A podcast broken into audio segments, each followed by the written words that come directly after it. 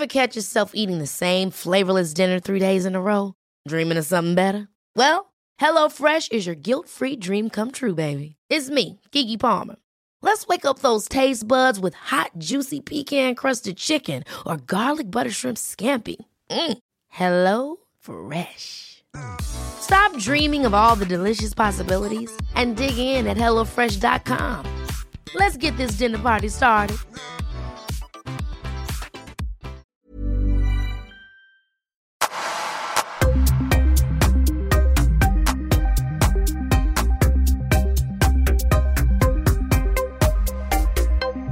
Mikael Kross, välkommen till Öppet sinne. Tack så mycket Paul. Idag kommer vi diskutera någonting som ligger mig väldigt nära om hjärtat och det är ju inte bara att vara kreativ utan att eh, jobba med, med film, vilket du också Mm. gör. Mm. Vad, vad är din roll? Vad är din titel? Jag är eh, filmskapare kan man säga, så att jag gör tv-serier och eh, långfilm. Eh, producerar också. Mm. Så att jag ser till att en, en, man hittar en idé och utvecklar den vidare och att, och att den sen blir en produkt så att folk kan se på, på det. När upptäckte du att du eh, var passionerad för det här? För vi har ju precis pratat lite innan vi drog igång lite där med den slumpmässiga vägen som gör att man hamnar på olika delar i livet. Ja, det är alltid slumpen känns som. Nej, men det var en, en, som i ditt fall också, att det, det, det var slumpen som avgjorde att jag, jag kom in ens i filmbranschen. Så att jag hade ju inga tankar alls på att jobba med film. Eller, det, jag har ju alltid varit kreativ och gillat eh, business-sidan, jobbat med PR och management för artister och sådär. Liksom. Men sen fick jag en, hade börjat tröttna på det och så hade jag en vän till mig som var musikvideoregissör som sa till mig att du Micke, du borde producera. Och jag visste inte vad producera var. Men eftersom jag var så trött på allt det andra så kände jag så här, även om jag inte vet vad det är så borde jag ge det en chans. Liksom.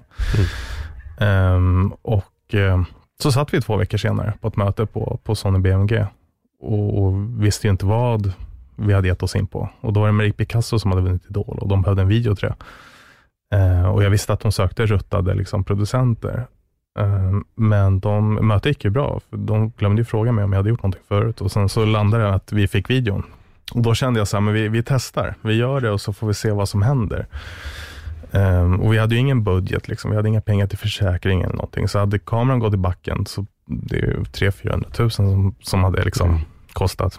Så det var en extrem risk. Det var en extrem sån här, vet, när de säger så här, gå utanför din comfort zone. Och det var ju verkligen nojigt, minst sagt, när man skulle göra den videon och visste att skulle det här gå fel, då är det ju ekonomiskt jäkligt jobbigt kommande 15-20 åren om det skulle gå fel.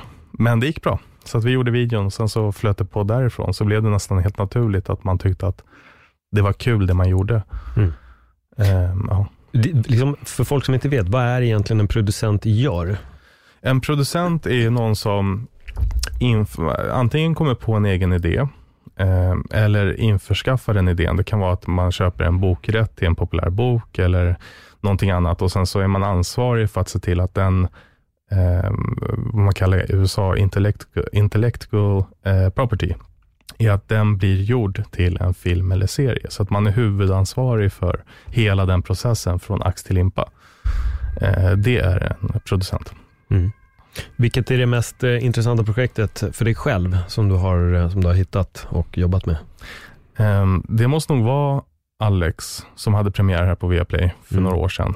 Um, och Det var ju en extrem resa. Vi började med den 2010, eh, varav vi hade fått inspirationen från när jag jobbade taxi på nätterna. För på den tiden så gjorde vi vår första film som var, som var Psalm 21, som vi började med 2005-2006 ish. Och Då tog jag taxikortet och så jobbade jag taxi på, nä- på nätterna, heltid i princip.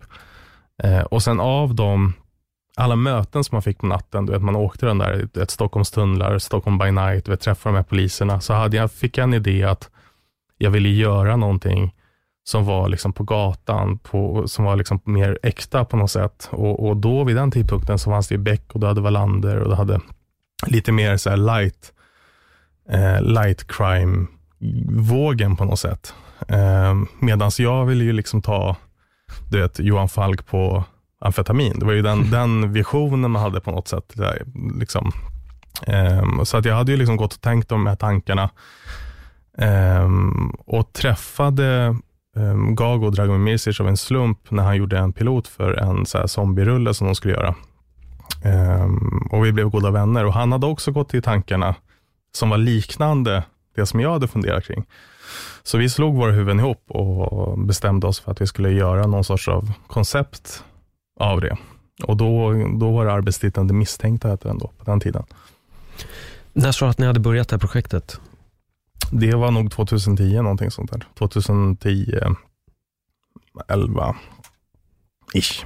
När hade den premiär? För nu börjar jag snurra ihop så åren. Jag vet att det är när jag liksom har jobbat med UFC här. Jag, kom in här alltså jag har jobbat längre som kommentator, då, men just mm. UFC-rättigheten kom in 2016. Det var typ 2017 eller var det 2018 som Alex hade premiär? Jag tror första säsongen hade premiär 2017, om jag inte minns mm. helt. Alltså ja, 2017 tror jag. Fan, det, är en lång, det är en lång resa.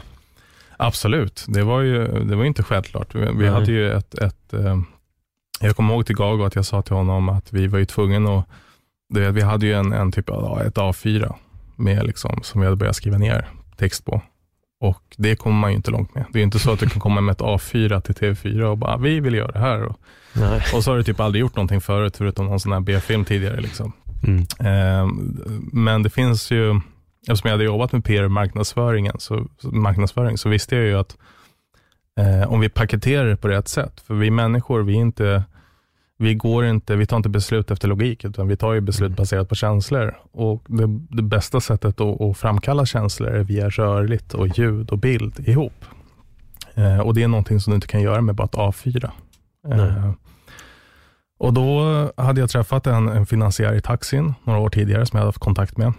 Så vi pitchade idén till honom och sen så sa jag att jag vill göra en, en pilot som är ungefär som en Eh, vi, vi spel, man spelar in ett par dagar, två, tre, fyra dagar. I vårt fall var det fyra dagar. Eh, så vi spelar in massa eh, scener och så sätter vi ihop det. Och sen så gör vi det så att det ser ut som en trailer, en riktig trailer. Liksom. Eh, och Då fick vi pengarna till det och så gjorde vi den piloten. Så då hade vi det där A4 och så hade vi en och en halv minut trailer på någonting som man verkligen kunde se och känna och lyssna på. Och Det var det som gjorde att de bara, okej, okay, då förstår vi vad ni vill göra. Och Det var det som gjorde att liksom, man kom in sen på, eh, då var det tre vänner som hade gjort precis Snabba Cash-filmerna och Läckberg mm. och sådär, som hade sett den här piloten.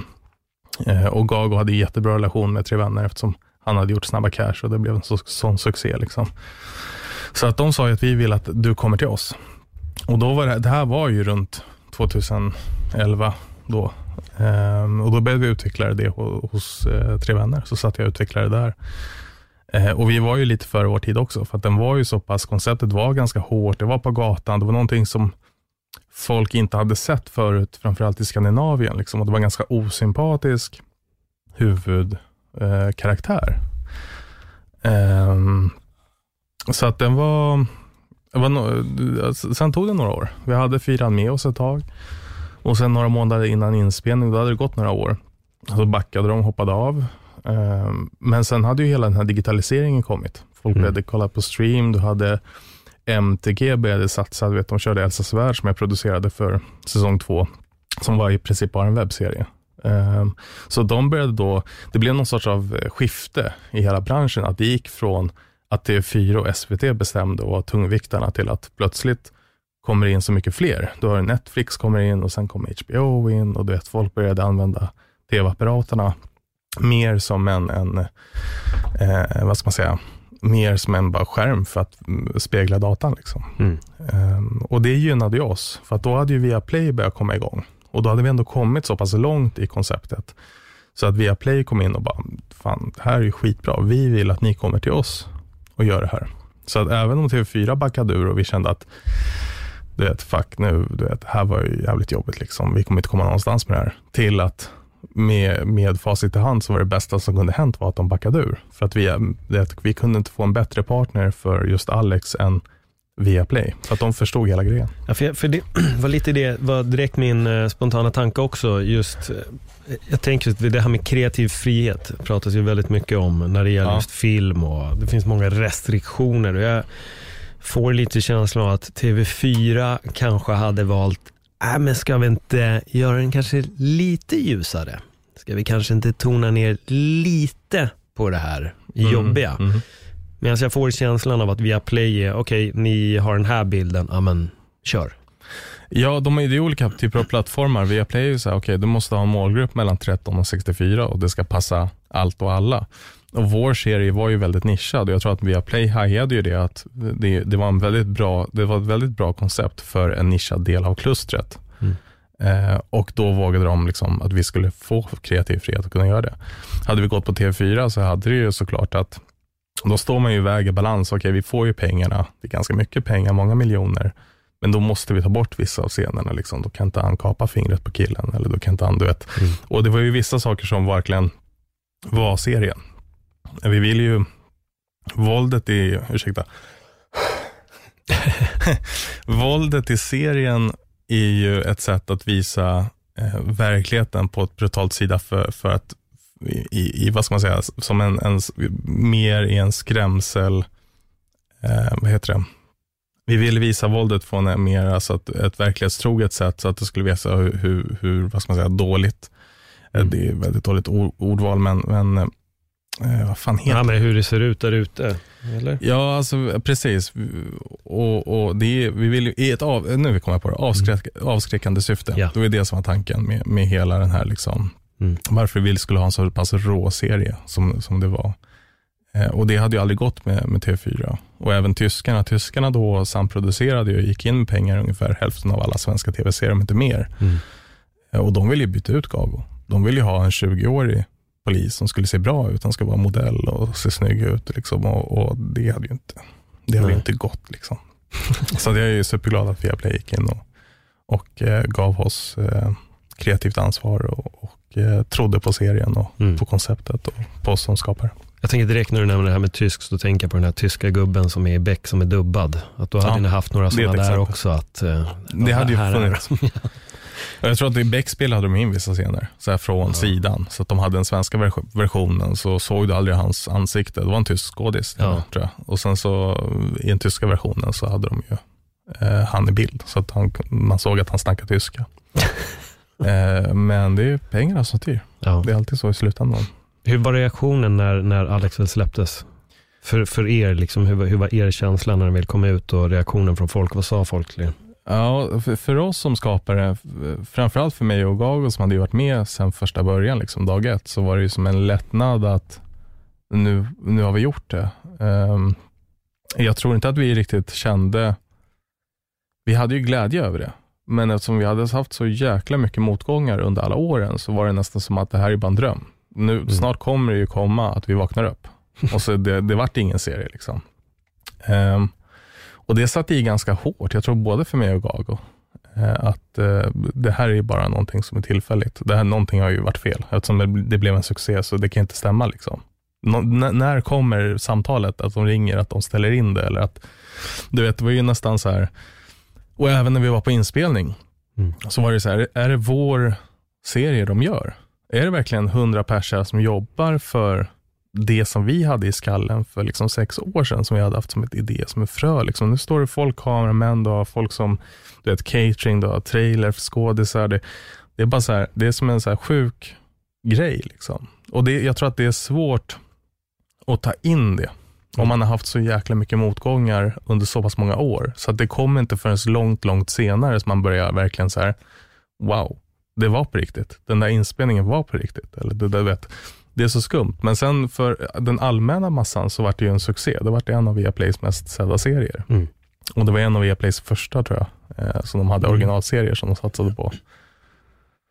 Jag känner igen mig så mycket i det du säger. Um, för som vi pratade om lite innan, jag höll på med lättvikt, jag gjorde sketcher, jag gjorde ja. grejer på YouTube och jag, jag, vet just när jag hade skrivit eh, det här uh, julkalendervarianten som blev Lättvikts julkalender 2009 känslan av att folk sa orden som jag mm. hade skrivit fem dagar tidigare var helt overkligt. Däremot så ledde det inte till att folk satt i trailer och att det var en catering betalad att det var flera miljoner. Exakt, det är där, så här, där så här skiljer sig våra upplevelser väldigt, väldigt mycket. Men, men jag fattar verkligen känslan med att alltså, kämpa med någonting väldigt länge och att det går i mål. Jag tänker lite på det du säger, det är overkligt. Um, jag tror lite att när man, när man brinner för något så passionerat så tror jag att vi har så otroligt svårt att ta in att fan Mm. det gick vägen. Jag, jag lyckades. Man vill liksom inte tro det för att klassikern är att det händer någon annan men inte dig eller att det händer mig. Någon Absolut. annan lyckas med allt. Mm, liksom, mm. Du är inte Al Pacino eller du är Nej. inte Martin Scorsese eller Nej. Joel Silver eller vem det nu än må vara. Men när Ja. man väl liksom lyckas penetrera där och fan och fram så är det ju en, ja, det är en helt obeskrivlig grej att, att uh, åstadkomma något. Ja, absolut, det, det, det är som du säger. Jag tror att det, är- det är svårt och, och eh, om man har jobbat med någonting så pass passionerat och fått så pass mycket motgång att man sen när, det väl händer, att jag tror att det är svårt att ta i, i alla fall för mig var det jättesvårt att ta in det. Mm. Det var skitsvårt att ta in förrän liksom det kom, som sagt långt, långt senare. Då kunde jag kanske unna mig att shit, vi gjorde det. Men i början var det så här, okej, det här samtalet kommer. Nu, Mm. Det är någon jävel som kommer förstöra. Vet, eller så, vet, man tror inte på den förrän man ser det på tvn, eller man tror inte på det förrän man, man ser det hända. Liksom. Ehm, men reaktionerna var ju helt fantastiska. Folk älskade serien. Eh, och sen började den flyga utomlands. Det gick till Tyskland, och Polen, och USA och Kina. och jag vet inte hur många länder den, den sändes i liksom, säsong ett. Eh, och vi var kanske noj, mest noja var vi för England, hur de skulle ta det i, i där borta. Varför var oron just för England? För England var ju vana med skandinavisk crime. Eng engelsmännen är ju, eh, de älskar ju, de har alltid älskat det här Nordic Noir som var populärt ett tag eh, och, och var storkonsumenter av det. Eh, och vi i vår serie så var vi ju klassade kanske som Nordic Noir, men det var ju någonting helt annat, för vi hade en ganska osympatisk huvudrollskaraktär. Mm. Och brutaliteten, tonen på serien var kanske inte vad de var vana med. Så vi var ju nojiga, så här, okej, hur ska de tycka om, hur ska den här tas emot? Eh, och det första, som, första reaktionerna vi fick var att de, en sak som de älskade var just att huvudrollsinnehavaren var osympatisk. Mm. Så vi bara, wow, det är skitcoolt liksom. Um, och sen så gick det ju bra, det gick skitbra. Den gick på Channel 4 i, i England via Walter Present som, som tar in skandinaviska serier eh, och andra serier. Um, så att det var ju, jag tror vi fick en sån här pdf-fil på 30 sidor av olika pressklipp och hyllningar och allting sånt där. Liksom. Och det är ju jättekul, men jag tror också att när man får de där hyllningarna så är det viktigt att man tar ett steg tillbaka och eh, du vet, bara fokusera på nästa grej istället. Mm. Du vet, tack och ta emot, men sen är det bara att gå vidare, att man inte börjar flyga upp i, i det blå för att folk hyllar den. Liksom. Hela fötterna på jorden. Ja, det gäller att ha fötterna på jorden. Jag tror Mm. att det här gör många fel. Att det, det, det, jag tror att man ser det på många sådana här talangprogram där de blir hyllade under en viss period och sen så, Mm. du vet, bara jag säger runt omkring dig som säger hur duktig, hur bra du är hela tiden. Liksom. Sen så slutar de Mm. och då blir det jävligt jobbigt. Så att jag tror att man måste ha både framgång och motgång. Man måste balansera de två mot varandra, tror jag. Att framgång är kul, men that's it. Liksom. Sen bara gå vidare till nästa projekt. Liksom. Mm. Och även motgång på det sättet. Att motgång, det, det lär dig av. Det är liksom, ta inte åt dig för mycket av det. Liksom, lär dig av misstagen, men, men gå vidare. Liksom. Gör, gör det du gillar och, och fortsätt med det. Liksom. Jag tror att, och det, det kan man säga på författare till exempel. Om du har skrivit en stor hit, liksom, det är värsta stora boken. Liksom. Snacka om pressen du känner Mm. efter att du har släppt en sån bok. Bara, det, det är omöjligt i princip att göra en bättre bok än den boken som har blivit så pass hyllad i, i pressen eller vad det nu kan vara för någonting. Och då är det enda liksom, rent logiska att bara fortsätt, liksom fortsätt att skriv. Även om nästa bok inte kommer bli lika bra, så fortsätt att skriv. Liksom, kom över den där pressen. Ehm, och eh, ta det som det kommer med det. Jag vill bara backa lite till just det här med motgångarna. För eftersom att ni höll på med det här projektet i, i så många år och du säger att ni stötte på de här motgångarna. Vad var det som gjorde att ni, att ni inte gav upp hoppet om projektet? Jag, jag tror att vi, har, vi hade ju olika bakgrunder, jag och, jag och Gago som drog, drog, drev i allting. Vi kom ju från olika bakgrunder. Vi, jag, jag hade ju min bakgrund med, med att göra min för, den här första filmen, Psalm 21, vilket vi gjorde på i princip eh, det är ett par hundratusen som vi fick in.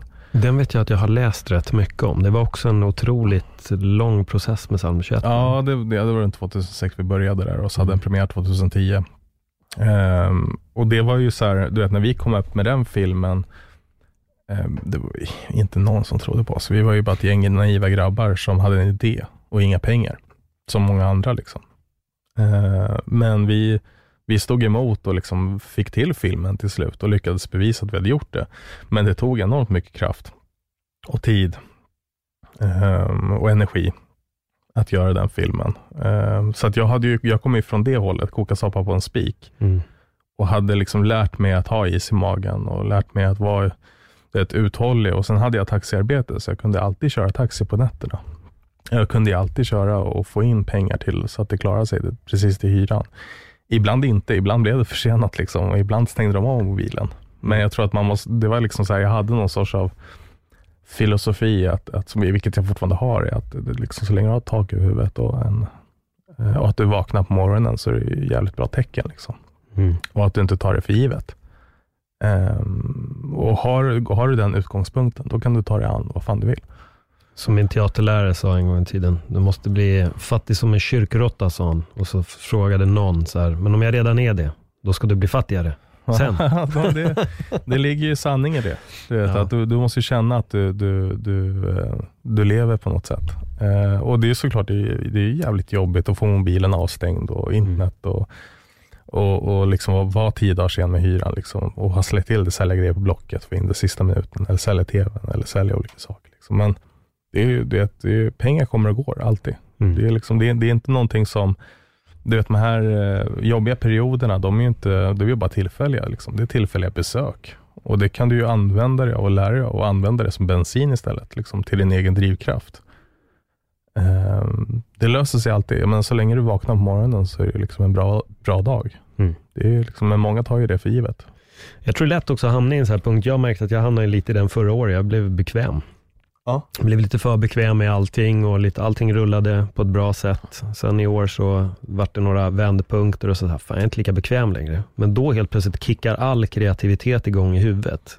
Mm. Så jag tror också att det finns en, precis som du säger här lite med att man måste fortfarande fötterna på jorden och gå vidare till nästa grej. Att mm. man, jag, jag, tror lite på det, man får aldrig bli för bekväm. Jag tror när man blir för bekväm, då tror jag också att det man släpper någonting. Sen betyder det inte att man ska ja. vara kyrkråttelivet hela livet, men jag tror att man ska försöka behålla samma glöd som man har när man lever kyrkråttan. Den ska man behålla även när allting är bra. Absolut. Man måste fortsätta och, och rulla på och driva framåt. Nej, men det är, jag tror också, precis som du säger, att, att bekvämlighet kan vara farligt. Mm. Alltså när du kommer in och du blir för bekväm med någonting. Det är, jag tror att det är farligt för sin egen utveckling. Mm. Utan man måste våga ta de här riskerna ibland. Och det, det är det som gör att du känner att du lever. Liksom. Mm. Att du tar de här riskerna och kör på. Och, eh, och sen bara gå vidare till nästa grej. Liksom. När du har klarat någonting, fine, lägg det bakom dig och gå vidare. Liksom. Så haka inte upp dig på för mycket grejer. Liksom. Nej, Nej men spännande, spännande. Vad är det för eh, nya projekt som eh, tänder glöden i dig just nu? Just nu så jobbar jag med, det är två stycken eh, serier. Um, jag ska se hur mycket jag kan säga om det, för att det, det, båda är ju inofficiella. De, mm. En har vi kommit lite längre med och en är ganska så i startfasen, fasen, i utvecklingsfasen.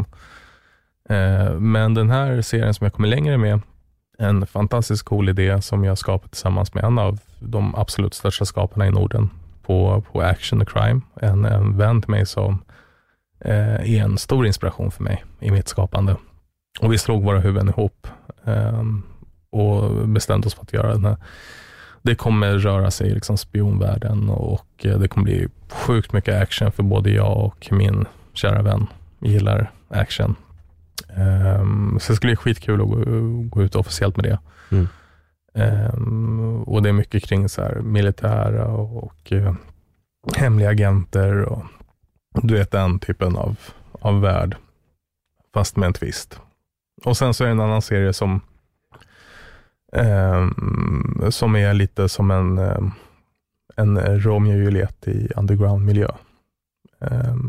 lite, du vet, Gomorra åt det hållet. Mm. Um, med en väldigt tidigt utveckling som jag, jag också gör tillsammans med en um, vän som är regissör. Så ja, det, det, är väl de två serierna som vi jobbar på för fullt och det blir mycket resa nu i år. Det kommer att vara mycket filmfestivaler och eh, seriefestivaler och sådär.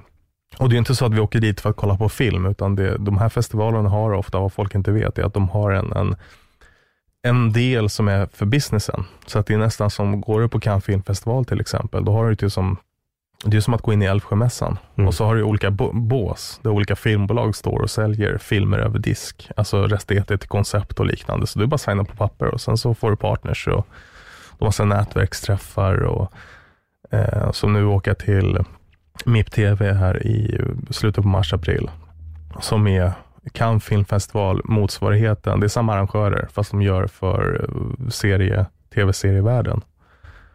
Eh, och då blev jag nu sån här, eh, vad heter det, utnämnd till så här producer to watch 2020 och då får man mm. extra mycket attention och det blir mycket nätverkande och så anordnar middagar och du får träffa producenter från olika delar av världen. Och, eh, så det blir sjukt spännande. Så det kommer jag ta och filma mycket till Instagram. Och, Ja. Hela den biten, det kommer bli skitkul. Ja, jag ska följa.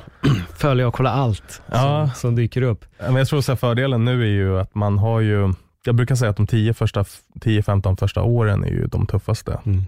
Ehm, och att man, eh, men klarar man sig igenom de 10-15 åren, då, då blir det blir enklare. Liksom. Det, blir lättare. Nu när folk ringer så lyssnar ju folk. Folk svarar när det ringer nu. Det gjorde mm. de inte i början. Liksom. De visste inte vem det var. Um, så nu går det ju mycket snabbare saker och ting, för att nu har du gjort någonting. Du vet, det är ju det som är moment 22 ofta för många mm. människor, att de vill se saker och ting, men har du ingenting att visa så får du ingen chans, även om du är jätteduktig.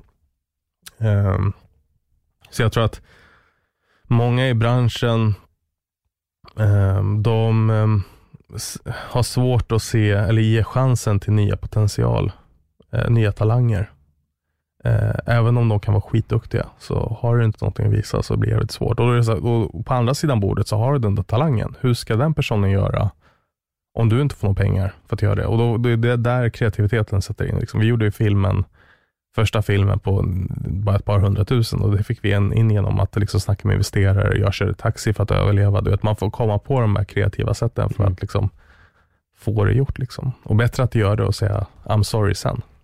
Ja, men verkligen. Och jag, jag, tror att lite där också så många ger upp. Att jag tror att det är många som stannar vid, vid den dörren. Att de får inte den möjligheten och de kanske inte har det här drivet i sig att, som du säger, köra taxi för att överleva, utan många hoppas på att jag kommer få den här filmdealen liksom direkt, mm. istället för att man kanske också måste göra ett otroligt hårt jobb innan. Jag tror så att det är ju, det är ju nästan mänskligt att folk, du vet, folk vill alltid ta genvägar. Mm. Men hjärnan är kopplad att liksom du ska ta snabbaste beslutet möjliga. Det behöver inte vara det mest logiska, men snabbaste. Eh, så att vi har ju någonstans det inkopplat i hjärnan. Jag tror skillnaden är till exempel att det är bara att man måste gå djupare. Se på, vill du ha en schysst liksom, kropp till sommaren? Det är inte så att du, du, du, du tänker på att du har en snygg kropp, går och lägger och så vaknar du på morgonen och så har du en snygg kropp. Liksom. Eh, utan det tar ju tid, det är en process. Allting är en process. Det finns ingen genväg, tyvärr. Utan mm. det är verkligen hårt arbete och eh, framförallt i filmbranschen, om man vill slå sig in där, så är det ju liksom, det är en people's industry. Du måste lära känna folk.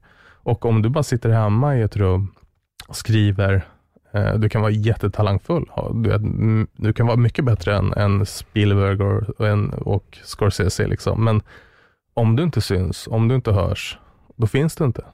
Nej. Då kommer du inte få något jobb. Så du måste ju vara där ute. Liksom. Hassla in dig på Guldbaggegalan efter festen, du vet, mingla med folk, sup ner folk gör det som krävs liksom för att bygga relationerna. Och sen när du får relationerna, liksom, då är det bara att vårda dem och bygga på dem. Eh, och där är mitt tips att se på folk. Eh, sikta inte på eh, att bygga relationer med chefer eller de här högt, du vet, de har ju sina relationer liksom redan. Vad du ska sikta på är att du ska lära känna folk som är precis under dem, som är på uppgång, som kommer vara där de är om fem år. Eh, så jag tror många så här, siktar in sig på fel också ibland så här, men jag ska lära känna vdn för du vet, Nent eller vet, sådär mm. liksom. Men det, den snubben eller tjejen, de har ju redan sina du vet, vänner och bekanta och relationer. Så att sikta dig, om du är ny, så ska du liksom umgås i den kretsen som du själv är i, på den nivån och så ska du sikta på ett högre, det, precis under. Liksom, där, de som kommer vara någonting om fem, sex år, det är de som du ska lära känna. För att det kommer ta fem, sex, sju, åtta, nio, tio år innan du liksom ens har någonting riktigt att komma med. Hur pallar du stå ut alla de här åren? Ja, det, Ännu en gång. jag, det, är, det är en väldigt bra fråga. Alltså jag vet inte var jag får den där. Jag tror att det är bara att det är jättesvårt att bara säga var, var man får energin ifrån. Alltså. Jag tror att, det, det, jag tror att det, det har med den här liksom grundtanken, filosofin från början, att liksom så länge jag vaknar på morgonen och lever och andas, så är, liksom, kommer allting lösa sig. Eh, att jag ser det inte som nederlag på det sättet. Jag tar inte, i början, första nederlagen var ju kanske jävligt jobbiga, men sen insåg jag att det är bara tillfälligt. Och när- du börjar inse att det är inte är så farligt med nederlag, det är inte så farligt med att misslyckas, liksom, för du lär dig alltid någonting på det. Det är alltid win-win på det. Det är den bästa lärare. Jag har inte gått någon filmskola. Mm. Jag, jag har testat faktiskt att söka in till en filmskola. Jag testade att söka in till DI. Det är ingen som vet det här för typ tusen år sedan känns det som. Eh, och blev nekad. Liksom. Eh, men det, då är jag så här, bara så här, "Ah, fuck it. Du vet, jag kör Mm. mitt race och, och gör min grej och sen så får vi se hur det går. Men återigen, så länge man lever. Mm. Jag tror att Alicia Vikander blev väl nekad Teaterhögskolan va? Jag för mig att hon hade gjort några tester där och inte kommit in. Ja, Och det har ju gått ganska bra ändå. Ja, nej, men, och det är samma sak. Jag tror att folk med nya, också, också så att folk med nya idéer och nya visioner.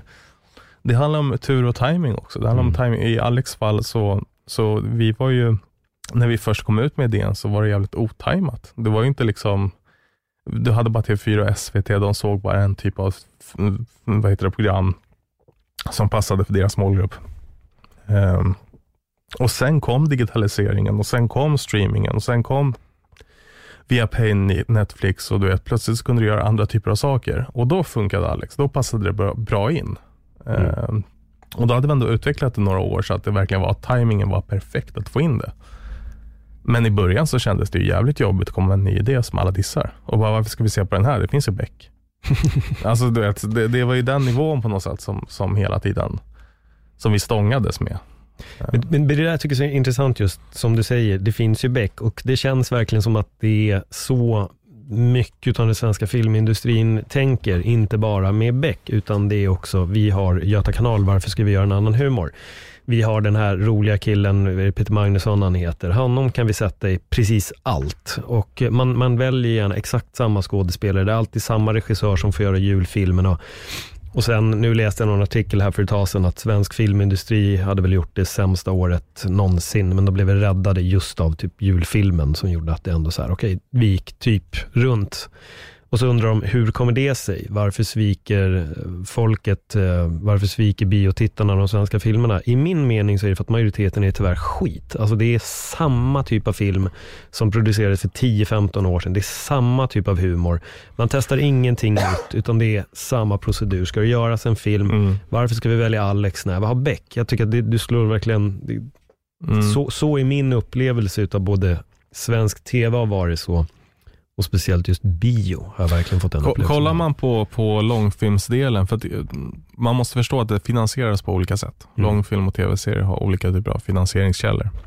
Men om vi kollar på utvecklingen av långfilm så eh, vad som hände var att vi hade det med, med eh, vad heter det, Josef Fares och du hade, du vet, vad heter det, Jalla Jalla, Cops och Mm.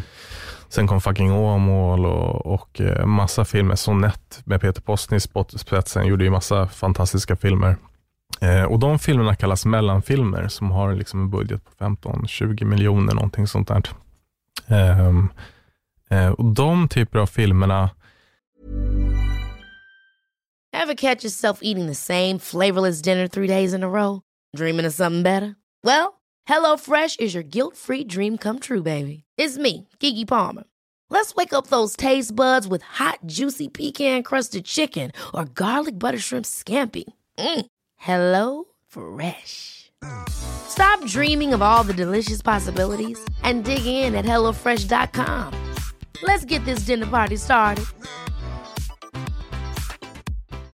Life is full of what ifs. Some awesome, like what if AI could fold your laundry? And some, well, less awesome, like what if you have unexpected medical costs? United Healthcare can help get you covered with Health Protector Guard fixed indemnity insurance plans. They supplement your primary plan to help you manage out of pocket costs. No deductibles, no enrollment periods, and especially no more what ifs. Visit uh1.com to find the Health Protector Guard plan for you. Eh, i samband med att folk, i samband med digitaliseringen och folk blev mer vana med streamingen så sjönk biosiffrorna. Och den typen av film som de här mellanfilmerna eh, var jättesvårt att få tittare till. Så vad som hände i branschen var att då tänker beslutsfattare i branschen att om då satsar vi hellre våra pengar på säkra kort. Och vad är då säkra kort? Säkra kort är kanske eh, snabba cash, sålt vad 500 000 ex första boken och så du vet, okej okay, då har vi en publik, vi har en, så de började gå in i mer där trygghetstänket och samma sak med skådisar. Eh, eftersom det inte var så många mellanfilmer som gjorde, gjordes så var det de här stora filmerna med de här större skådisarna och då plötsligt började det kasta bara dem för att de som finansierade filmerna, de vill ju ha Peter Magnusson. De vill ju mm. ha de här största namnen i filmerna eh, som en eh, säkerhet eh, till framgång. Det är ingen trygghet eller säkerhet alls eh, när man ser i backspegeln, utan det är bara i deras värld så känns det som en bekvämlighet att ta in det. Så man såg det skiftet, att det gick från mellanfilmer till, liksom, nu ska vi göra eh, filmer baserat på, på bästsäljande böcker. Och sen har det rullat på, för att ju mer digitalisering vi har fått, eh, desto högre budget, har bli, budgeterna för filmerna blivit och desto mindre risker vill folk ta. Så jag tror att det har blivit som en, en sån här catch 22 liksom, i mm. filmbranschen. Mm. Att då vågar de inte säkra, satsa pengar på de här mellanfilmerna. Så, och det är de som oftast är de här nya, nytänkande, kreativa som kan slå, slå fram genom bruset, genom nytänkande. Eller att de får, du vet, de har en annan sorts vibe på det hela. Eh, och det är sjukt synd. Eh, och för bio kommer vi nog se ännu mer eh, sådana här säkra kort. Alltså det blir vet, Iron Man, Spider-Man, 6, 7, 8, 9, 10 och man börjar se att skiftet för bio börjar, börjar landa mer åt det, det är en upplevelse. För att fucking Åmål, Jalla, Jalla, Jalla, Jalla och de här, de, de, skulle inte släppas på bio idag tror jag inte. Det skulle nog släppas direkt till, till, till VOD, mm. eh, video on demand streaming. Eh, så det är ganska intressant det där hur digitaliseringen har, har påverkat biosidan på det sättet. Men om vi kollar på andra sidan så ger det också större möjligheter. Så att om du inte har så mycket fokus på bio, som jag tror att många går i gamla tänket, filmskapare går så här, okej, okay, mm. vi ska ha en fet film och vi ska få ut en bio, för det är det bästa. liksom. Och det, det där härstammar ju från gamla tiden när du gick och hyrde filmer på DVD, att kom en film ut på DVD, då var det ju typ så här, kast. Alltså du vet, det var ju så du hyrde, det var sällan du hyrde en film som inte hade gått på bio innan. Liksom. Men nu har ju det ändrats, så nu kan det vara skitbra filmer som kommer ut direkt till, till video on demand. Mm. Um, så att jag tror att det, det, är ett skifte som sker, att vi kommer sakta men säkert se mera eh, originalidéer, eh, mera de här mellanfilmerna. Men det kommer inte komma på bio tror jag, utan det kommer komma direkt till, till video on demand. Liksom. Jag tänker lite på nu, det blir ju succé för eh, Parasit, mm. som även plockade en otrolig massa Oscars och var väl väldigt så banbrytande känns det just i Oscarssvängen. Eh, men samtidigt så, jag har följt koreansk film sedan långt tillbaka. Okay. Och är otroligt ja. passionerad vid det, deras sätt att skapa film. Jag tycker ja. det är fantastiskt, både manusmässigt, filmmässigt, skådespelarmässigt och själva storytellingen är på ett otroligt annorlunda sätt. Mm. Så jag är någonstans inte förvånad över att den liksom gjorde det den gjorde, att den vann på det här sättet och öppnade upp ögonen för många. Men vad, vad, vad tror du är skillnaden där? För det känns som att vi ibland är så insnöade på liksom Hollywood-konceptet. Men sen ser vi koreanskt och det är så här, oh, det här var något nytt. Det här var mm. uppfriskande på ett sätt att, att se film på det här sättet. Jag, jag tror att det där har med, um, det, jag tror att det är en positiv utveckling för att nu har ju globaliseringen, som jag sa, digitaliseringen har ökat till en mm. ökad globalisering. Och med alla de här sociala medierna så har folk lärt sig att eh, de har blivit mer vana med undertexter. Om du kollar Facebook, memes eller vad som mm. helst. Folk börjar lära sig att undertexter är inte så farligt. Eh, och det började Netflix märka. Det märkte de, de testade Narcos. Det var ju helt på ett annat språk mm. och det funkade skitbra. Och sen så gick de till, vad heter den, Casa del Papel. Casa del Papel. Papel. Skitbra serie som också funkade. Mm. Och så plötsligt så insåg de så att vi behöver inte göra bara serier på, eller eh, content på, på, på engelska som huvudspråk, utan vi kan göra det på andra språk också. Och då ser man plötsligt ett uppsving i andra länder, Tyskland, Ukraina, du vet allting. För att nu börjar de komma igång kvalitetsmässigt också. Mm. Och Korea, liksom, att de, nu, nu kan de få ut sitt innehåll på en mer global nivå. Vilket inte hade skett om det inte var tack vare den här digitaliseringen och globaliseringen som har hänt de senaste åren. Nej. Och det kommer bara bli mer och mer och mer. Um, och jag tror Netflix och de här, de har ju sån här internt att 30% av innehållet ska vara lokalt content. Liksom. Och Det är ju någonting som de jobbar på för varje år och de kommer satsa mer på det. Så vi kommer ju se ännu mer svenska serier, ännu mer danska serier, ännu mer norska serier, ännu mer koreanska produktioner. Mm. Um, man ser, om vi kollar på, på Korea så är de, deras filmer jättepopulära i vissa delar av Afrika till exempel. Och så ser vi på eh, turkiska filmer och serier skitpopulära i Latinamerika. Mhm. Alltså jättepopulära. Eh, så det är ganska intressant hur den här globaliseringen har ökat till en hö högre efterfrågan på innehåll från andra länder. Mm. Eh, Jag, jag tänker just lite när du var inne på text och sånt. Hur var reaktionen på Alex? Vart det dubbat? Jag kan till Tyskland dubba väl ganska garanterat sina, sina serier och så vidare. Men jag tänkte England, gick den i originalspråk och text? Eller? ja, den gick i, original, I England gick den originalspråk. De är Mm. lite vanare med subtitles i, i England. Men Mm. i till exempel Polen så var den ju dubbad och i Tyskland så var den dubbad också. Men i Mm. Polen till exempel, där har de ju filmer på bio är inte dubbade längre. Utan det är ju eh, polska under, undertexter. Mm. Ehm, så jag passar ju alltid på, när jag är i Polen, så jag är ganska ofta i Polen, så passar jag alltid på att gå bio. Det kostar 50 spänn. Gå bio, så jag är så här, nu är det biomaraton när jag är i Polen. Ja. Alltså. Ehm, nej, men så att det, det är någonting ehm, som, som i vissa länder ju, eh, kommer nog fortsätta med det några år till. Men som sagt, det handlar om tittarvanor. Så Mm. ju mer vana du blir att se på någonting med subtitles, så desto bättre är det. liksom. Mm. En serie för mig som verkligen har varit en sån här wow-upplevelse. Jag vet inte om du har sett tyska Dark? Nej, jag, jag har hört talas om den. Det är inte den där snuten? Nej, det är, de hittar en tunnel och så börjar folk försvinna. Det är en liten tidsrese-grej. Ja, Okej, var går den någonstans? Är det på Netflix eller? Netflix. Har Mm. gått två säsonger. Den tredje säsongen bör komma snart och det ska vara den sista. Då. Det är för mig nog bland det bästa jag sett någonsin. Alltså jag var helt på så många plan. Mm. Allt från så musik, stämning, filmiskt, alltså koreografi, Mm. skådespeleri. Manuset är min upplevelse av att sett säsong ett i alla fall två gånger och säsong två en gång. Där är att det är inte ett ord som sägs i onödan. Mm. Det finns inte ett så här, det här orden eller den här meningen ska in i utfyllnad. Allting har ett syfte. Mm.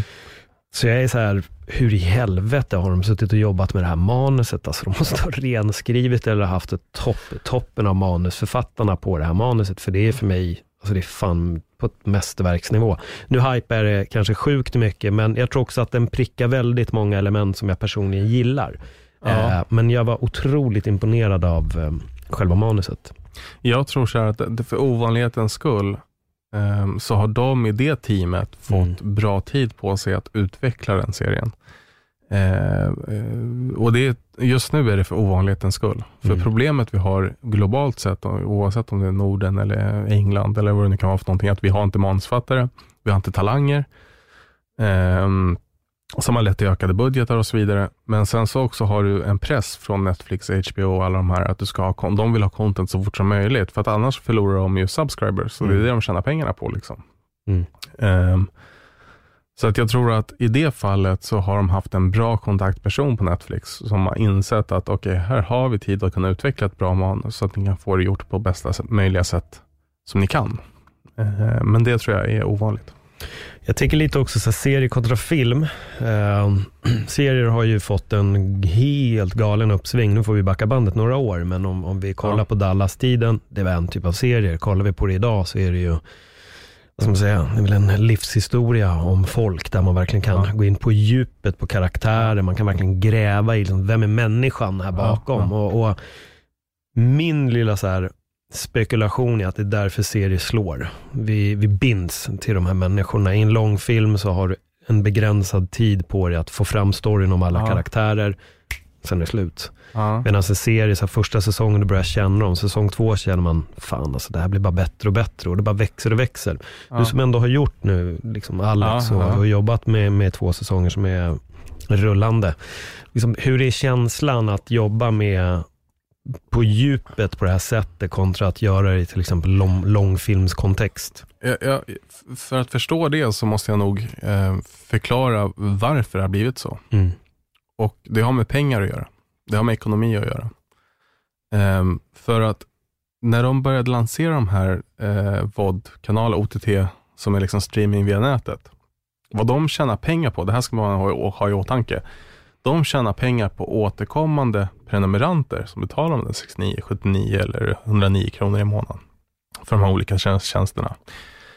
Um, och när du gör en serie så förälskar du dig i karaktärerna. Du vill se dem fortsätta. Så det betyder också pengamässigt att du kommer fortsätta prenumerera på den här kanalen x antal månader. Till skillnad mot en film som du bara ser en och en halv timme och så är det slut. Därför har, har liksom det gått in mer på seriedelen. Så att det handlar om pengar i grund och botten. Att du ska ha kvar prenumeranter så länge du bara kan. Sen ser vi en annan, eh, en annan del i det hela nu är att exempelvis vi kommer se mer serier som bara är två säsonger och mm. sen slutas det. Det kan vara en jättepopulär serie. Alltså det kan vara sjukt populär, men två säsonger så läggs det ner. Varför? Exempelvis Netflix har insett genom sin data, för du ger ju bort jäkligt mycket data. Så fort du pausar, klickar, spolar vidare, du vet alltid, det där registreras, hela skiten.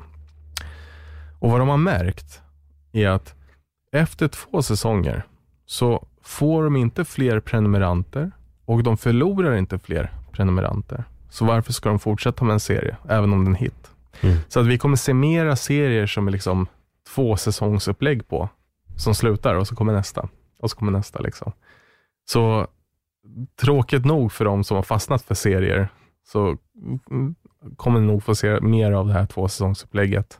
Och jag kommande. tycker det låter ganska skönt om jag ska vara ärlig. Jag tror det är, för att det är också för att jag har märkt att jag har följt x antal serier, men sen har jag kommit av mig och så har jag tio nya serier som jag har börjat kolla på. Mm, jag har till och med fått sätta stopp på att så här, folk rekommenderar serier hela tiden. Jag bara nej, jag följer de här och så mm. har jag tid kommer jag kolla på den, för jag har redan tio andra serier som mm. jag bör se.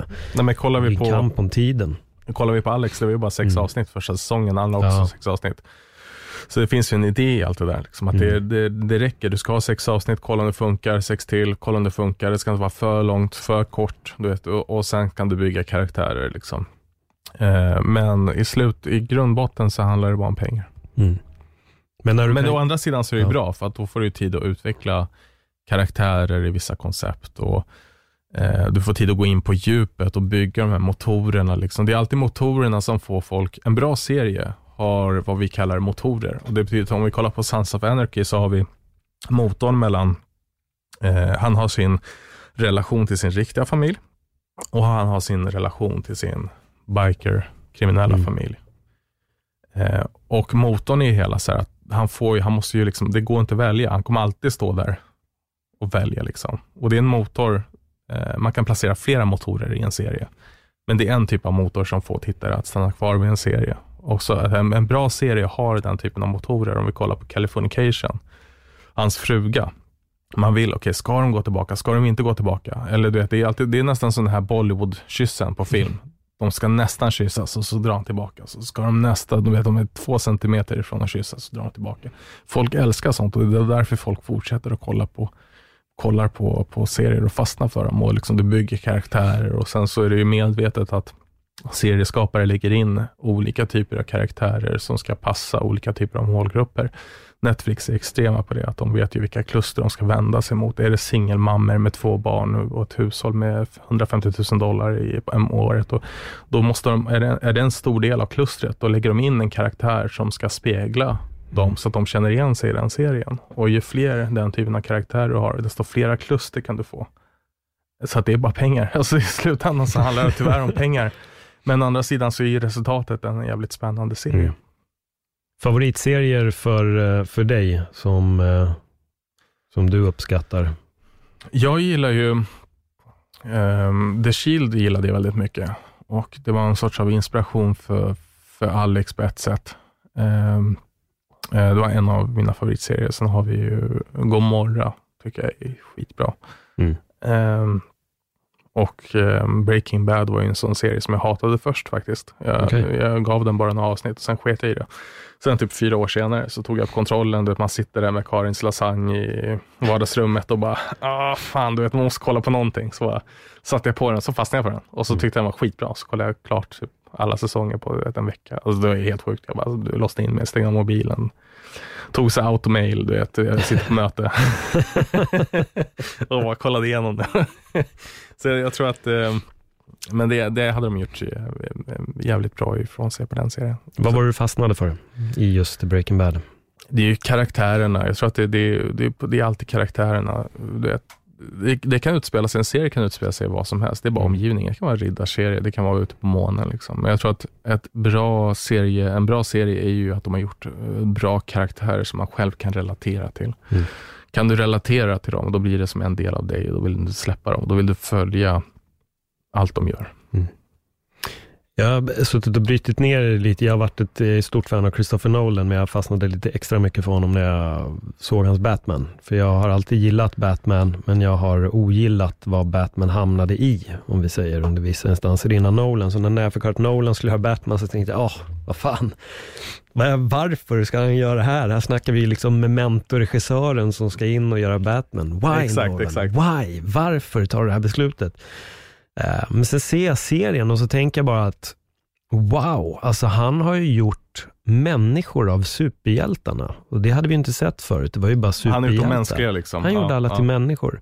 Han fick fram karaktärerna där i. Det fanns en story att berätta och precis som du säger, vi fastnar för karaktärerna. Det spelar ingen roll om det är riddarserie eller en polisserie. Det är, det är de vi har fastnat för. Och han gjorde det på ett sånt otroligt briljant sätt och jag uppskattar verkligen hur han gjorde det även i uppföljaren. Att det blev ännu mer mänskligt. Den första har ett litet sagofilter över sig i Batman Begins, men sen ändrade han om det där lite och fick en annan, en annan känsla. Men DC har inte lyckats replikera det här Nej. i de andra filmerna. Men för mig är Nolan en, en, en helt magisk regissör. Jag är imponerad över att han kunde göra en sån sak med en, med en serietidningsfilm. Har du själv sett Batman-filmerna? Nej, jag har inte det.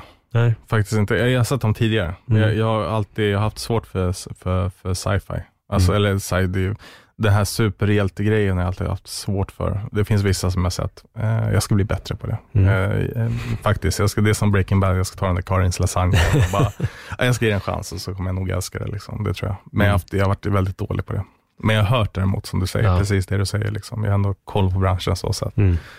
Eh, och i hans fall så är det ju så att vissa det, det som är intressant med de här superregissörerna är ju att de eh, studiosarna som finns, eh, de lägger undan reservpengar ehm, till de här superregissörernas hjärteprojekt som inte kommer tjäna några pengar för att bygga relationer. Så att, eh, typ Nolan, de säger till honom, vill du göra Batman? Absolut. Och då får han kanske göra en annan film som han känner sig, det man har hjärtat för på ett annat sätt kanske. Mm. Och då har de pengar att förlora för det. Då, då lägger de de pengarna bara för att förlora dem, för att de vill ha kvar relationen med honom, så att han kan göra vissa av de här Marvel-grejerna. Men det är, nu, nu snackar vi om så här superregissörsnivå. Mm. Liksom. Och det är därför vissa av regissörerna kan gå in och göra oväntade filmer ibland. Så man bara, filmbolag kommer inte tjäna några pengar alls på, på den här filmen. Det kommer vara bara röda siffror, men det vet de om. De vet mycket väl om det, så de gör det bara för att göra typ Nolan glad eller Spielberg glad. Så att de kan fortsätta göra Marvel och, och sådana här mm. saker. De kommer fråga. Uh, people's industry. Jo men verkligen. Däremot känns det som att Nolan har lite allt han rör vid har blivit guld senaste tiden. Jag vet inte, har du sett några av hans eh, senaste? Jag tänker typ Inception eller Interstellar eller Dunkirk eller någon av dem. Inception var ju, det är en av mina favoriter. Ja. Jag älskar den filmen och jag tycker den blir bättre när du ser den en gång till. Ja. Så att jag, jag, såg den senast för en vecka sedan till exempel. Mm. Då, då, fan, då börjar man förstå mer av så här, det man missade första gången. Alltså vissa filmer är sådär, du måste se dem en gång till mm. för att verkligen förstå. Samma sak, jag såg den här, vad heter den nu? Eh, när han är fast på en ö. Han ska, Leonardo DiCaprio åker till en ö för att undersöka en, en kvinna som har sprungit bort. Um, Fan, det är kanske är den som jag inte har sett. Är det den med Winslet eller? Nej, nej. Um, tänker du på Titanic? nej, men hon gjorde ju någon film sen. Hon gjorde ju någon annan film ihop. Nej, utan det, det handlar om en Leonardo kommer till en ö och så är det du vet, de värsta psykbrytarna. Ja, ja, Shutter Island. Shutter Island. Ja, Dennis Lehane-boken. Just det, det är en av mina eh. favoritböcker för övrigt. Ja, ja det är det. Jag yes. har inte läst boken, jag har sett filmen. Nej, den är, jag jag såg den långt innan filmen, boken är ju magisk alltså. Ja, det är så? Ja. Jag ska få kolla boken, men, men det, det är en film som jag hade sett en gång. Och sen var den där på Netflix och så sitter jag där med lasagnen och och eh, bara, men jag ska kolla på den igen. Mm. Och så gjorde jag det och så insåg jag, shit det här är ju mycket, mycket bättre. när man ser den en gång till, även om den var skitbra första gången, så är det bara, ah, man Mm. förstår det. Sen bara sitter man och googlar efteråt, okej, okay, vad menar de med det där? Aha, okej, okay, sådär liksom. Eh, sjukt spännande liksom. Den är väldigt trogen boken. Uh, Den är måste det? jag ändå säga. Ja, det, det tycker jag att den är. Jag tror till och med att slutet är nog exakt som boken. Jag har för mig att sista meningarna som de säger, det är rakt ifrån boken. Eh, den boken, det är en sån bok som jag jag gick och läste den, jag eh, satt och åt och läste den. Jag, jag, kunde inte lägga ner den, jag tror jag plöjde den där på typ två dagar bara. Det gick i ett svep. Jag kunde verkligen inte sluta, sluta läsa den. Helt fantastisk. Så jag är glad över att det blev en, att det blev en sån pass eh, succé som det blev. Har du någon mer sån här, eller sån här fråga istället, har du någon eh, favoritproducent som du imponeras lite extra av när de är, när, när deras namn nämns? Att det blir så här, uff, Ja, jag har ju en, en men det är, ju- då är lite bias. Ja. Eh, Det, är, det är en snubbe som, han, han följer mig också på Instagram, eh, Joey McFarland, som är en producent som gjorde eh, The Wolf of Wall Street, han bland okej. som är en av mina absoluta favoritfilmer. Så han är ju en fantastisk producent, när man kollar internationellt sett. Sen kollar man på, på Sverige så är Fre- Fredrik Wikström, Nicastro, en, en, har varit en stor inspiration för mig. Han började på Tre Vänner, när de gjorde liksom reklamfilmer, så gick de till drama, gjorde Snabba Cash. Ehm, han är också en, en, en fantastisk snubbe som jag är lite sjuk fortfarande från veckan. Men han är grym. Han är Mm. en, en riktigt cool producent. Jag tror han är filmchef nu på SF, eftersom SF köpte upp, köpte upp Tre Vänner. Och hans Okej. brorsa har jag jobbat många år med, Niklas Wikström Nicastro, som även eh, producerade Alex. Mm. Ehm, också en, en jävligt bra snubbe. Ja, de gör ju Snabba Cash nu, serie, gör de till Netflix. Just det, det hörde jag någonting om. Mm. Att, den, att den var på, på G att bli serie. Ja, så att jag tror att de håller på att casta nu eller någonting sånt där Mm. till den. Hur mycket har det stigit just, jag tänker svensk serieproduktion, sen Netflix och, eh, men de har inte gjort några HBO? Jo, just det, Gösta har de gjort. Ja, de har gjort Eh, ja. Ehm, de, vad som kommer hända nu är att fram till ungefär 2025, kommande fem åren, så kommer vi se ungefär en 40-50 serier per år som kommer komma. Svenskproducerat. Lokalt, Lokalt. Sverige, Norge, Danmark, Finland. Ehm, men jag tror Sverige kommer stå för, jag kan prata om Sveriges del, så ungefär en 30 serier kanske. Mm. Ish. Och bara via Play har väl så här 20 serier. Jag tror jag har för mig det, att de satsar på en 20 plus någonting via Play Ja. original. Och jag satt och kollade på en D-intervju när de hade gjort sin rapport för aktierna. att jag vill minnas att eh, han sa, Anders Jensen, då, att de skulle glida ifrån lite reality. Det betyder inte att all reality ska bort om jag uppfattade det rätt, men att de kommer nog eh, skära ner en hel del på reality-biten och istället lägga fokus på drama och via Play Originals. Vilket jag tycker är helt fantastiskt, för det känns som att om vi backar bandet kanske någonstans mellan 5 och 15 år, då, säger vi, då gick istället allting som var drama, började mer och mer bara glida över till att yes, nu ska vi dundra in nya reality-serier och så kom det bara den ena efter den andra och den ena efter Ja. den andra. Så jag gillar utvecklingen, att det har testats dit, det behöver inte försvinna, men att man kanske sållar även där och producerar de som då funkar bättre än andra, men kanske inte att man sitter på en kvantitet av bara reality-såpor. Mm, jag tror Ja. att det där kommer nog gå över mer till YouTube, kommer nog bli en dominerande. De är ju redan, Ja. de avslöjade siffrorna för annonsintäkter på 124 miljarder dollar under ett år. Hur jävlar. Det är helt galet. YouTube är den största vad man kallar AVOD-tjänsten. Mm. AVOD är ju reklam. Liksom att du ser på någonting gra- gratis, och så, men du måste kolla på reklamen. Liksom. Så det, det, YouTube kommer nog bli en stor konkurrent. Ehm, eller är redan en stor konkurrent. Skillnaden mellan YouTube och Netflix och de andra är att YouTube betalar inte för sitt innehåll. De får det gratis, allting. Ja. Det är ju genialt. Liksom. Um, alltså vi kommer nog se en betydelse, jag menar om vi siar, ursäkta, om vi säger om framtiden så, så ser vi att eh, efter 2025 så kommer det landa på en 55 till upp till 70 serier per år. Det är, det är helt makalöst alltså. Men sen har vi ett annat problem att vi har ju inte tillräckligt mycket med folk till att göra de här serierna. För Sverige har, har varit så, de är så långt bakåt jämfört med andra länder på talanger och, och skatteincitament för film och liknande. Att om jag lägger en film i Polen till exempel, eller serie, då får jag tillbaka 30% av regeringen som ett skatteincitament för att jag Mm. lägger serien i Polen och Island har liknande. Och jag tror att i Norden så är väl bara Sverige och Danmark de enda länderna som inte har det. Och det förlorar de extremt mycket på. Mm. Eh, samma sak på eh, incitament till, eh, finansiärer och privata finansieringsbolag att investera i film och serier har varit väldigt dåligt. På 90-talet så var det så att ett investmentbolag kunde investera i en svensk långfilm och då kunde de göra avdrag för den, den investeringen om det, om det inte gick bra, så att de kunde få minskad skatt, reducerad skatt. Um, och då var det win-win, för att typ åtta av tio svenska filmer gick ju i förlust. Mm. Så då kunde de ändå investera pengarna som en, en, en, en del av ett skatteupplägg, så att de kunde få mindre skatt och så vidare. Så de som gjorde filmerna fick pengar och de som investerade sket i om det gick bra eller dåligt, för de kunde ändå göra en vinstaffär av det. Um, Typiskt kapitalism, men, men eh, att se på, och sen tog de bort det systemet mm. och gjorde filmbranschen beroende av Filminstitutet istället till, till 100 procent i princip. Då. Eh, så att eh, någon sorts av, jag tror Sverige för att komma i, komma i kapp så måste Sverige börja eh, lägga manken på att, eh, att, att eh, få fram talanger, att eh, vad heter Nursa-talangerna. Um, för att annars kommer vi göra svenska serier fast vi spelar in dem i Ukraina, vi spelar in dem i Bulgarien, vi bygger upp Stockholm i Ungern. Mm. Och det är inga konstigheter liksom. Det är ju bara att göra det. det är, de har skitbra folk där. De har jättebra folk som, som är vana med att jobba med stora Hollywoodproduktioner. Så att varför ska vi lägga, varför göra Snabba Cash i Stockholm när vi kan fejka Snabba Cash i Ungern och bara bygga upp Stockholm där? Tror du att det kommer ändras? Tror du att politikerna kommer förstå och att de kommer ändra det här? Jag hoppas ju på det. Eh, men jag tror att det kommer ta några år. Jag tror att det är och tåget har ju redan gått. Jag tror inte att de, det kommer ta lång tid innan de kommer ikapp. Jag tror mm. att Sverige förlorar extremt mycket pengar på, på, på att inte vara med i gamet. Mm. Eh, det är som att de, du vet, de sitter i en Nissan Micra och försöker racea mot en Porsche. Eller Lambo. Liksom. Det, är, mm. det, det är svårt. Ja. Det blir jävligt svårt faktiskt. Eh, så det ser ju mörkt ut. Det positiva är ju att det, liksom, det kommer in, det blir mer jobb, det kommer vara mer produktioner som görs. Det negativa är att Sverige kommer få mindre del av den kakan. Det kommer att placeras i andra länder. Mm. Det är väl det.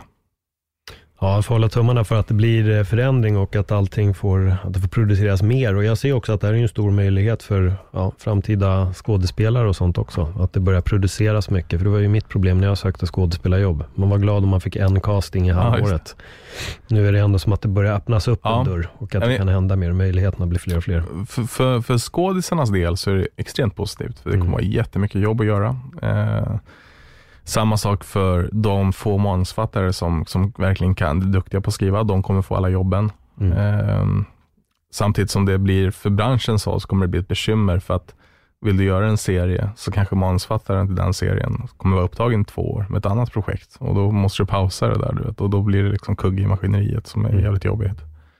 Um, och det härstammar ju till att vi haft en sån här typ av branschen generellt tycker jag, haft en arrogans mot de här nya talangerna eh, i så många år. Mm. Eh, och inte brytt sig så mycket som de borde ha brytt sig. Nej. Eh, tyvärr. Avslutningsvis så tänkte jag att eh, det kanske sitter en Mikael eller Mikaelina Cross där ute som eh, drömmer om att eh, göra det du gör eller något annat bara. Vad, mm. vad skulle du ge för råd? När, jag tänker lite på det här med motgångar och jag tror det är det som, som jag återigen har sagt, att, att du, du måste ha en, en stabil grund för huset. Och det är ju att dels din inställning till livet. Börja inse att så, okay, när du vaknar på morgonen så är det en bra dag att du andas. Liksom, ta liksom, det är grundlinen för det. Liksom. Um, och sen så är det så att du kommer få um, det är ingenting, du måste förlita dig på processen. Det kommer vara en process. Det kommer ta tid. Det är ingenting som tar det går över en natt. Liksom. Även de framgångarna som du ser på Talang eller vad det som har hänt över en natt. Oftast är det flera års av träning som ligger bakom. Eh, men förlita dig på processen liksom. eh, mm. och ha is i magen. Du, må, du ha målet framför dig, men, men ha is i magen och njut varje dag. Även när det blir så jobbiga lägen, så bara vet, ta till dig det. Lär dig av det, lär dig bli bättre av eh, av alla nejen, av alla misslyckanden. Och så, för det är det som kommer skapa dig som, som kreatör eller vad det nu vill bli för någonting. Att det, det är allt skit som verkligen kommer göra dig till att du kommer få skinn på näsan och att du kommer lära dig att liksom bli bättre. Mm. Eh, så kanske det är mina bästa råd faktiskt. Och det kan du applicera på nog det mesta. behöver inte vara film. Det kan vara musik eller whatever man vill göra. Att sätt ett mål, men njut av resan på vägen dit. Liksom. För sen när du når målet så kommer du bara sätta ett nytt mål. Så, att, så kommer det vara. Så se till att njut medan det går varje dag. Mm. Snyggt. Bra, bra avrundning på ett uh, bra samtal och det tackar ja, tack jag så, så jättemycket för. Jag känner själv att jag börjar så här, hamna in i nörderiet med att snacka film med dig ja, och ja, ja. glider tillbaka till det Ja. som är en, min andra stora passion här i livet. Ja. Så tack så jättemycket för att du kom hit. Ja, men tack själv för att jag fick komma. Tack. Såklart. Om folk vill följa dig på din resa, var hittar man dig då? Då kan man, jag är ju sån här Instagram-nörd. Jag Ja. älskar ju Instagram, så att då kan du hitta mig på Instagram som eh, Mikael Kross, M-I-K-A-E-L, C-R-O-S-S. Mikael Kross, så kommer ni se mig där. Ja, avslutningsvis också. Du släpper ju en bok. Jag håller på att jobba på den nu. Ja. Det kommer vara en, en eh, handbok för, för, eh, för folk som vill, där, jag har tagit i princip alla, alla problem som jag haft. Och så har jag skrivit ner det och så har jag skrivit vad, hur man kan lösa det. När, finns, finns det något datum för den? Eller Inte än, jag jobbar på för fullt. Vi får se. Jag hoppas på att kunna släppa den i slutet på året eller något Mm. Så att vi, det är en jäkla process alltså. Ja, det förstår jag. Verkligen, men det är kul. Det är, såna, det är vad jag själv skulle vilja ha haft och kunna läsa Mm. när ingen annan gav mig något råd. Ja, jag var själv inne och sökte på Amazon en gång i tiden efter böcker, men jag hittade liksom ingenting som hade med just den här resan att göra. Nej, det är Så, svårt äh, alltså. får man skriva det själv. Ja, Det men är exakt. så. Det- Exakt. Det är det man Finns göra. det inte så är det bara att skapa det själv. Ja, jag tror det kanske kommer någon, någon sån variant av bok eh, för mig i framtiden också. Alla, Definitivt. alla 10 000 misslyckningar, men det var, var det inte han, eh, han som uppfann lampan tror jag det var, va? han hade väl något sånt citat att det är inte så att jag har misslyckats så här många gånger, jag har bara upptäckt 10 000 sätt som inte funkar. Ja, ja visst alltså. Och Sen tror jag till och med att han blev, var det inte Tesla som blev, um, de baxade idén ifrån också? Att han gjorde allting för Edison och sådana saker så kom Edison Ja, möjligt. Det- Man får vara försiktig. Ja, just, just det. Jo, men det, det, det stämmer, det ligger någonting i det där. Det gör det. Men, eh, men han kämpar ju. Han, han Ja. gav ju inte upp. Det är det som är eh, grejen. Liksom. Att du, du får aldrig ge upp. Utan det är bara det, oavsett hur svårt och hur varm elden är som du går igenom, så Mm. fortsätt liksom framåt. Det är bara tillfälligt. Det är, det är aldrig någonting som är temporärt. Nej. Där hör ni det. Mm. Ge aldrig upp. Mikael, tack än en gång för ett bra samtal. Stort tack. Supertack. Ja, ni har hört allting. Fortsätt bara kämpa, ge inte upp, får jag säga. Tack för den här gången och sist men inte minst om ni lyssnar på den här podden där ni kan ratea den, ge den en tumme upp, göra en prenumeration. Snälla, gör det. Sprid budskapet om öppet sinne. Tack för den här gången. Hej då. Ciao.